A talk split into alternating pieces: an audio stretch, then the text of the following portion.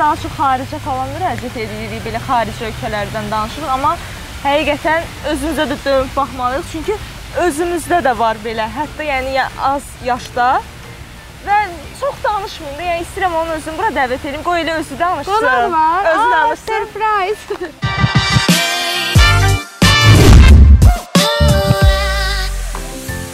Kamran gəl.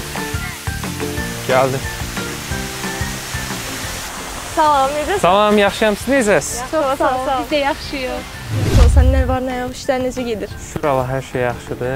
Sizdə necə gedir Bizdə işlər? də yaxşıdır, çox sağ ol. Deməli, e, sən sənin haqqında ümumiyyətlə oxuyanda işin barəsində, yəni şəxsən mən öz adıma deyim ki, belə tam olaraq çatmadı. Yəni o qədər çoxdur ki sahə. Yəni baş tam olaraq başa düşmədim. Yəni fikirləşirəm ki, məncə belə izləyicilərə də qaranlıq qalan məqamlar var. Ona görə ə, sadə dillə, yəni bizi başa düşəcəyimiz dildə nə işlə məşğul olduğu açıqlayardın. Ə, Özümü təqdim eləyim. Kamran Qasımov, ə, Derbon Texnologiyalar şirkətinin həm təsisçisi, həm də icraçı direktoruyam. Eyni zamanda robototexnika üzrə mütəxəssis, proqramçı və 2D 3D qrafik dizaynerəm.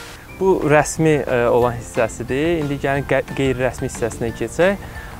Mən belə deyək, prosesləri avtomatlaşdırıram. Ümumiyyətlə bu proqram təminatı ilə olsun, istərsə də cihaz təminatı ilə. Məsələn, hər hansı bir probleminiz varsa, o problemi həll etmək üçün xüsusi bir cihaz hazırlayıram və yaxud da bir xüsusi bir proqram təminatı hazırlayıram ki, o e, belə deyək probleminizi həll eləsin. Və yaxud da hər hansı bir e, belə deyək insan əməyinə əsaslanan bir iş varsa, onu mən avtomatlaşdırıram ki, yəni insan əməyinə əsaslanmasın, artıq kompüter onu belə deyək qısa bir müddətdə və effektiv şəkildə e, icra Praktik etsin. sözümdə, yəni. Bəli, bir növ praktik çözümlər tapırıq. Bu işə yəni yəqin ki, uşaqlıqdan belə deyək də həvəsin olur. Bəli, bəli. Amma belə məsələn elə vaxt olur ki, məsələn kimsə nəsə işə başlayırsa ailəsinin təsirindən və yaxud da nədənsə ilhamlar ilhamlanaraq nəsə olur. Və səndə yəni bu necə olub? Yəni nədənsə ilhamlanmısan yoxsa ailən nəsə yoxsa özünün həvəsin olub bu haqqda? Ə, belə deyim, ə, ümumiyyətlə ə, bizdə ailədə biraz genetik var. Atam, yəni o, o da texnologiyaya ə, maraqlıdır. Ə, əsasən uşaq vaxtından həm onu görmək, onun ə, elədiyi işləri görmək, həm də ə, belə deyək, özümdə də bu genetik ə, olaraq bunu hi- hiss eləyərəkdən, yəni uşaq vaxtından nəsə düzəltməyə belə həvəsim olub. Uşaq vaxtı özümü belə deyək, çox kiçik yaşlarda olmağıma baxmayaraq bəzi alətləri işlədə bilmirdim. O, amma ə, nə isə düzəltməyə ideyalarım olurdu ki, məsəl üçün bunu burdan deşib ə, nə- nəyi sonra taxsaq, ə, məsəl üçün çanta düzəldə bilərik. Məsələn bunları özüm eləyə bilməsəm də ailəmdən kömək alaraq deyirdim ki, bunun burasını işarələyirdim ki, bunun buralarını kəsərsiz, bura nə ə, bu ə, məsəl üçün detalı salarsınız ora, bağlayarsınız, məsələn çanta əmələ gəlib. Bu formada mənə dəstək olurdular. Amma bir müddət sonra artıq belə deyək, ə, yaşım artdı, biraz böyüdüm və uşaq vaxtında da çox tez böyümək istəyirdim. Çünki bəzi şeyləri eləyə bilmirdim. Yəni yaşım çatmır deyə icazə vermirdilər və yaxud da özüm ə, istifadə edirəm, gücüm fiziki olaraq gücüm çatmırdı. Ə, ona görə Səbirsiz, səbirsizlənirdin ki, Bəli, bəli. Səbirsizlənirdim. Ona görə onlarda məcbur olurdum kömək istəyim. Onlar da belə deyək, ə, işə gedirdilər, gəlirdilər, yorğun olurdular istər-istəməz. Ə, Buna görə onları belə deyək, tez-tez bezdirirdim. Onları bezdirməmək üçün belə tez şəkildə böyüyüb ə, özüm belə deyək, öz ideyalarımı özüm gerçəkləşdirmək istəyirdim. Belə soruşmaq istəyirəm ki, Kamran, neçə yaşında başladın ilk və necə oldu? Yəni bu belə deyim, ilk işin, ilk ə, neçə yaşda daha da belə yaxşı oldu, yəni bu belə deyim işin Ə, sistem. Ə, belə deyim, mən ümumiyyətlə ə, özümü tanıyandan bəri, yəni bu nəsə yaratmağa, nəsə hazırlamağa belə deyə həvəsliyəm. Ə, Nəsə bir şey həmişə bir gözüm bir şey axtarır ki, hardasa bir problem tapım, onu düzəldim. Ə, Uşaq yəni çox kiçik yaşlarından başlamışam dediyim kimi. O vaxtlar amma şərait belə deyək, ümumiyyətlə Azərbaycanda şərait yox idi. Məsələn, bəzi şeyləri düzəltmək istəyirdim, sadəcə vərəq üzərində qalır. Mənim bir dəftərim var idi. O dəftərə belə deyək, gerçəkləşdirə bilmədiyim, yəni detallarını tapa, tapmaq çətin olan, hazırlamaq çətin olan, baha olan belə deyək, ideyalarımı bir dəftərim var idi, oraya yazırdım və ə, hamısının orada sertiyojlarını çəkirdim ki, harda neçə santimetr olmalı idi. Hamısını bir-bir çəkib orada saxlayırdım. ki, bir gün ə, bunları eləməyə qadir olanda bu ideyalarımı gerçəkləşdirərəm. Və o zamandan bəri bu şeyə davam elədim. Sonra təsadüfən ə, bir dostumuzun ə, belə deyək tövsiyəsi ilə bir dənə dərnək tapdım. Ümumiyyətlə radiotexnika dərnəyi və təyyarəçilik dərnəyi. Orda təyyarə modelləri hazırlama hazırlayırdıq. Sonra radio ilə və yaxud da belə də kordalı sistem deyirdilər. Onunla təyyarə hazırlamağı orada öyrənirdik. Ə, ilk belə deyək əllə nəsə düzəldə biləcəyim alətlər olan, materiallar olan bir yer mən orada tapdım. Sonra isə məktəblə bağlı olan məsələlərə görə ora vaxt ayıra bilmədim. Amma belə deyək, ora gedə bilməməyim ona gətirib çıxarmadı ki, mən bu sahədən artıq uzaqlaşım, ayrılım. Amma ora getməsəm belə evdə də həmişə belə deyək, bu sahə ilə bağlı yenə nə, nələrsə etməyə çalışırdım, yenə layihələr etməyə çalışırdım. Amma təəssüflər olsun ki, materiallar çatışmamazlığı, düzgün alətlərin çatışmamazlığı nəticəsində bunları həyata keçirə bilmirdim. Bir də soruşmaq istəyirəm ki, yəni gənc yaşda bu qədər uğur qazanmaq yəni hər adamın işi deyil. Həqiqətən çox, yəni super və çox böyük bir şeydir.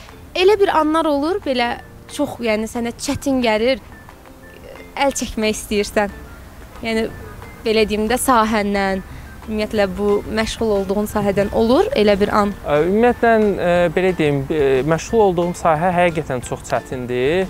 Ə, yəni mən də elə bu sahəni ona görə sevirəm ki, çox çətindir. Bayaq da qeyd elədin ki, məsələn sən e, uşaqlıqda məsələn elə bu işə başlayanda çətinliklərin olub. Məsələn ilk olaraq e, sən sən haqqında oxuyanda görmüşdüm ki, ilk sənin köməkçin internet olub, bir kompüterin olub, bir də internet. Ümumiyyətlə Azərbaycanda səncə yəni bu sahə üzrə təbii ki, bu sahədə məsələn necə bir əksikliklər, çatışmamazlıqlar var sənin fikrinə görə və yaxud da səndən məsələn soruşsalar nə əlavə yeniliklər eləmək istəyərdin? Ümumiyyətlə belə deyək, nə qədər kəşflər olunsa da, nə qədər yeni layihələr yaradılsa da, yenə də nəsə çatışmamazlıq həmişə olacaq. Və bizim sahədə də belədir ki, ümumiyyətlə bir məhsul yaradırsan, bu məhsulda maksimum dərəcədə çox insana çatmalıdır. Çox insan bunu istifadə etməlidir. Təəssüflər olsun ki, bizim belə deyək əhali sayımız belə deyək az olduğuna görə hər hansı bir məhsul çıxardanda bunu az insan e, belə deyək istifadə eləyə bilir. Bu da bəzən ə, məsəl üçün oyun sahəsində bir ə, belə deyək çoxlu pul xərclənərək böyük bir oyunun ərsəyə gətirilməsi zamanı, yəni az oyunçu kütləsinin ol olduğuna görə, yəni satışların az olmağı deməkdir. Bu da o oyunun məsəl üçün ə, belə deyək hazırlanma xərclərinin ödənməməsinə gətirib çıxarır. Bu, bu kimi məsəl üçün problemlərə görə, yəni çox böyük şeylər etmək ə, belə deyək mümkün olmur. Amma ə, onu deyə bilərəm ki, hal-hazırda bugünkü gün belə deyək dünya qloballaşdığına görə artıq o uşaq vaxtı mənim tapa bilmədiyim alətlər, avadanlıqlar artıq belə deyək Azərbaycanda var və onları rahatlıqla alıb ə, istifadə etmək olar və qiymətləri də belə deyək ə, uyğundur. Kamran, soruşmaq istəyirəm ki, bu sahədə Hı -hı. ən böyük dəstəkçin kim olub? Ailədən ola bilər və yaxud da dost ola bilər. Ümumiyyətlə bu sahədə ən çox dəstək olan ailəm olub. Ə, ailəm yəni hər cür belə deyək, ə, maddi mənəvi ə, şəkildə dəstəkləyiblər həmişə. Düzdür, bəzən ə, dərs məsələlərinə görə, məktəb məsələlərinə görə ə, bəzi şeylərə ə, icazə vermirdilər, bəzi çətinliklər yaradırdılar, amma bunu da başa düşmək olar, ə, normaldır. Amma ə, buna baxmayaraq, yəni çox böyük ə, köməkləri olub. Hətta belə deyək, o alətləri ə, tapa bilmədiyim vaxtlarda və yaxud da hər hansı bir belə deyək, avadanlığın olmadığı vaxtlarda belə əldən onları düzəltməyə köməklik göstərirlər, materialların tapılmağına. Mən balaca belə deyək, hardasa 2-ci, 3-cü sinifdə oxuyurdum. Mən malzemələri bilmirdim harda satırlar. Onları məsəl üçün almağa kömək edirdilər. Deyirdim ki, məsəl üçün filan maddələr lazımdır, filan detallar lazımdır. Onları mənə tapmaqda köməklik eləyirdilər. Ümumiyyətlə bir işdə işləyəndə məsələn komanda önəmlidir. Yəni bizdə məsələn, şəxsən elədir. Məsələn biz ə, ab-hava enerji tutmalıdır mütləq şəkildə. Təbii ki, bacarıqlar da önəmlidir. Məsələn sənin bildiyimə görə komandan var, təbii ki, və orada məsələn onun haqqında bilmək istərdim neçə nəfərdən ibarətdir, özəllikləri nədir? Məsələn sən Məsələn, onları nəyə görə seçirsən? Onlarda yəni xoş gördüyün tərəflər və mənfi tərəfləri deyə bilərsən təbii ki, bu haqqda. Ə, ümumiyyətlə belə deyim, Dervlon şirkəti ə, əsasən belə 3 nəfər qurmuşuq.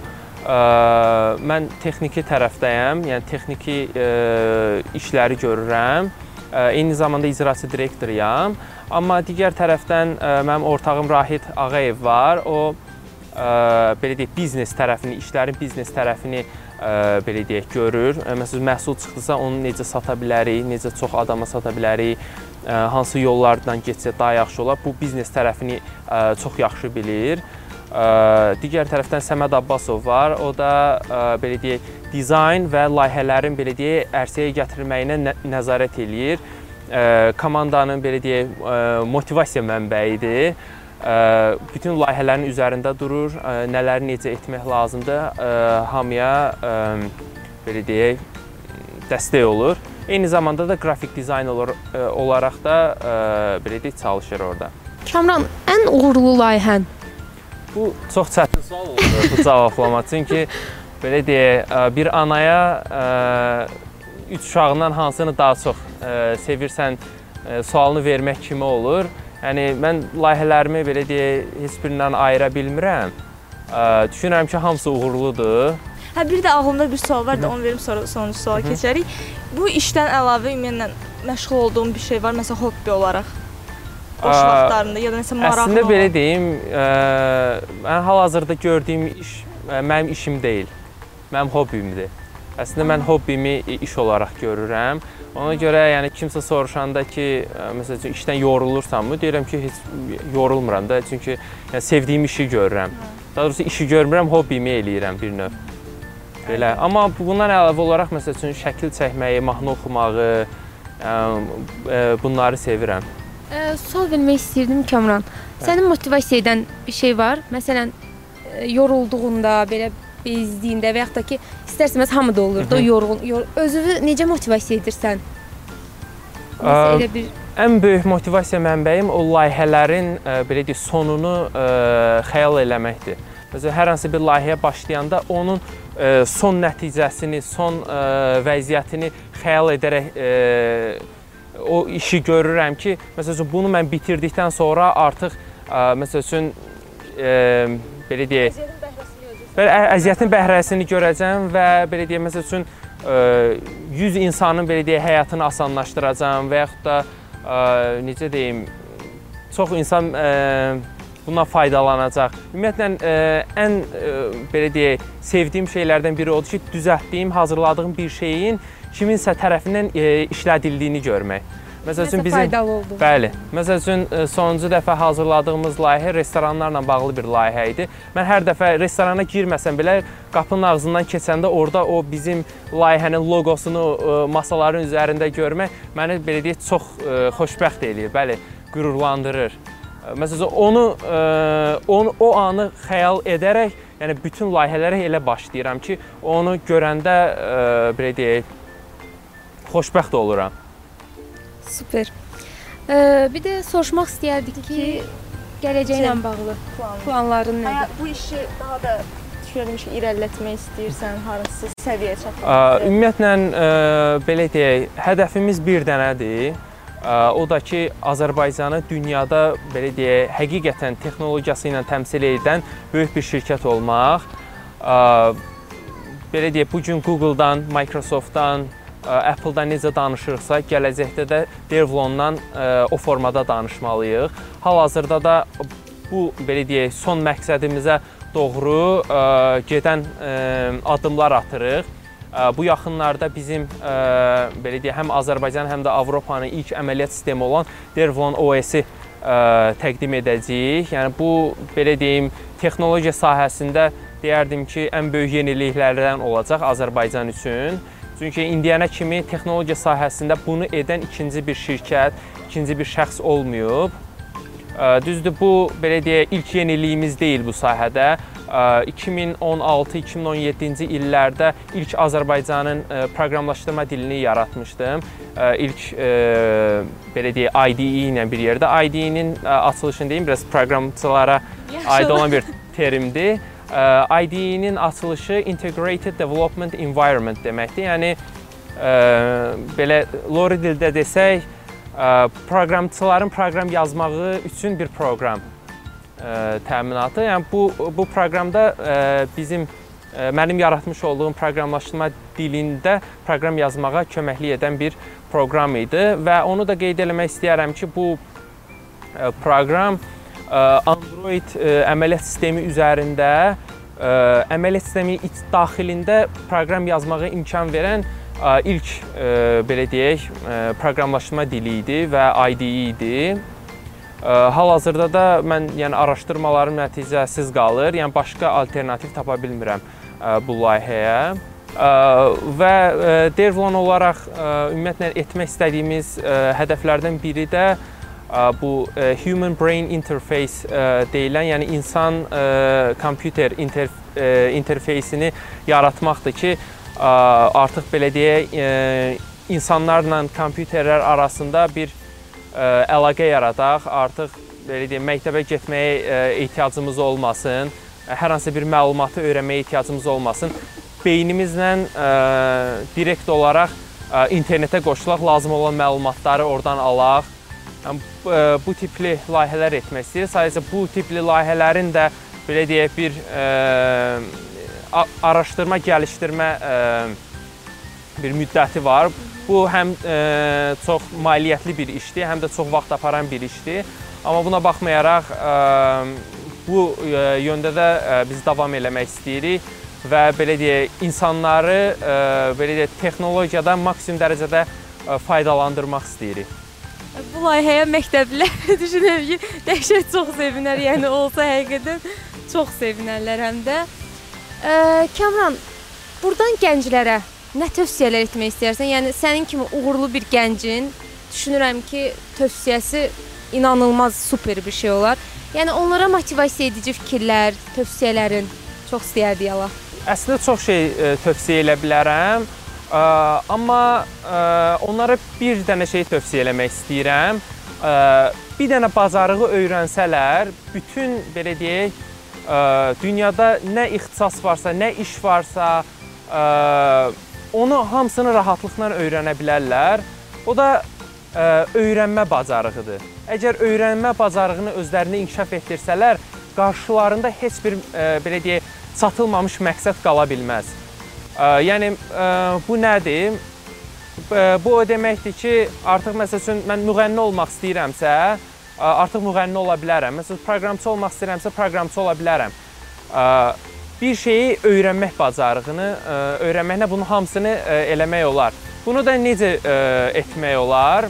Ümumiyyətlə parçala hökm et qaydasını tətbiq edilir. Əgər bir qarşımıza bir məqsəd qoyuruqsa ki, məsəl üçün bir qrafik dizayn sahəsində bir misal deyim. Məsələn, bir şəkli dizayn eləmək bizdən e, tapşırığı verilirsə, biz onu parçalara bölməliyik. E, məsəl üçün e, şəkli necə hərəkət etdirmək olar? Bir şəkli və yaxud da e, şəklin e, üzərinə necə qoymaq olar? Ümumi bir tapşırığı hissələrə bölərək, hissə-hissə axtarıb öyrənərək son məhsulu axırda hazırlamaq. Bu bu metodu yəni istənilən sahəyə siz tətbiq eləyə bilərsiniz. Məsələn, kimyada bir çətin bir reaksiyanı öyrənmək istəyirsinizsə, kiçik-kiçik reaksiyaları öyrənərək sonra axırda böyük bir belə reaksiyanı tamamilə başa düşə bilərsiniz. Və yaxud da bu digər sahələrdə də bunun kimi. Bunu əgər öyrənsələr, istər kompüter sahəsində, istər də digər sahələrdə çox uğurlu ola bilərlər. Bir də ki, bir şeyi unutmamalıdırlar ki, əgər belə deyim, həyatda uğurlu olmaq istəyirlərsə, yəni dayanmadan gecə-gündüz e, o layihələri ilə yatıb durmalıdırlar. Əgər bunu edirlərsə və onların belə də uğursuz e, olmaqlarına heç bir səbəb yoxdur. Super. Düşünürəm ki, həqiqətən tövsiyələri bu cür tövsiyələri dəyərləndirməmək mümkün deyil. Çox təşəkkür edirik Kamran sənə. Həqiqətən çox dəyərlidir bizim üçün fikirlərin. Bir daha təşəkkürlər ki, bizim müsahibəmizdə iştirak elədin. Sənə işlərində uğurlar arzu eləyirik. İnşallah gələcək planlarını da gerçəkləşdirərsən. Çox sağ ol, şad oldum. Sənin kimi e, belə deyim gənclər daha çox artsın, daha çox olsun. Həqiqətən sən onlara super bir oyun örnəksən. Həqiqətən düşünürəm ki, e, tövsiyələrin də hər bir gənc üçün super bir məsləhətlər, tövsiyələrdir. Təşəkkür edirik həqiqətən. Çox təşəkkür edirik. Siz də çox sağ olun. Yəni sizin də gördüyünüz belə deyək az iş deyil. Siz də belə deyək gənclərin inkişafında belə deyək onlara bu tipli məlumatları çatdıraraq çox böyük kömək olmuş olursunuz. Mən də ona görə sizin hər birinizə təşəkkür eləmək istəyirəm. Buyur, Çox sağ olun. Çox sağ olun.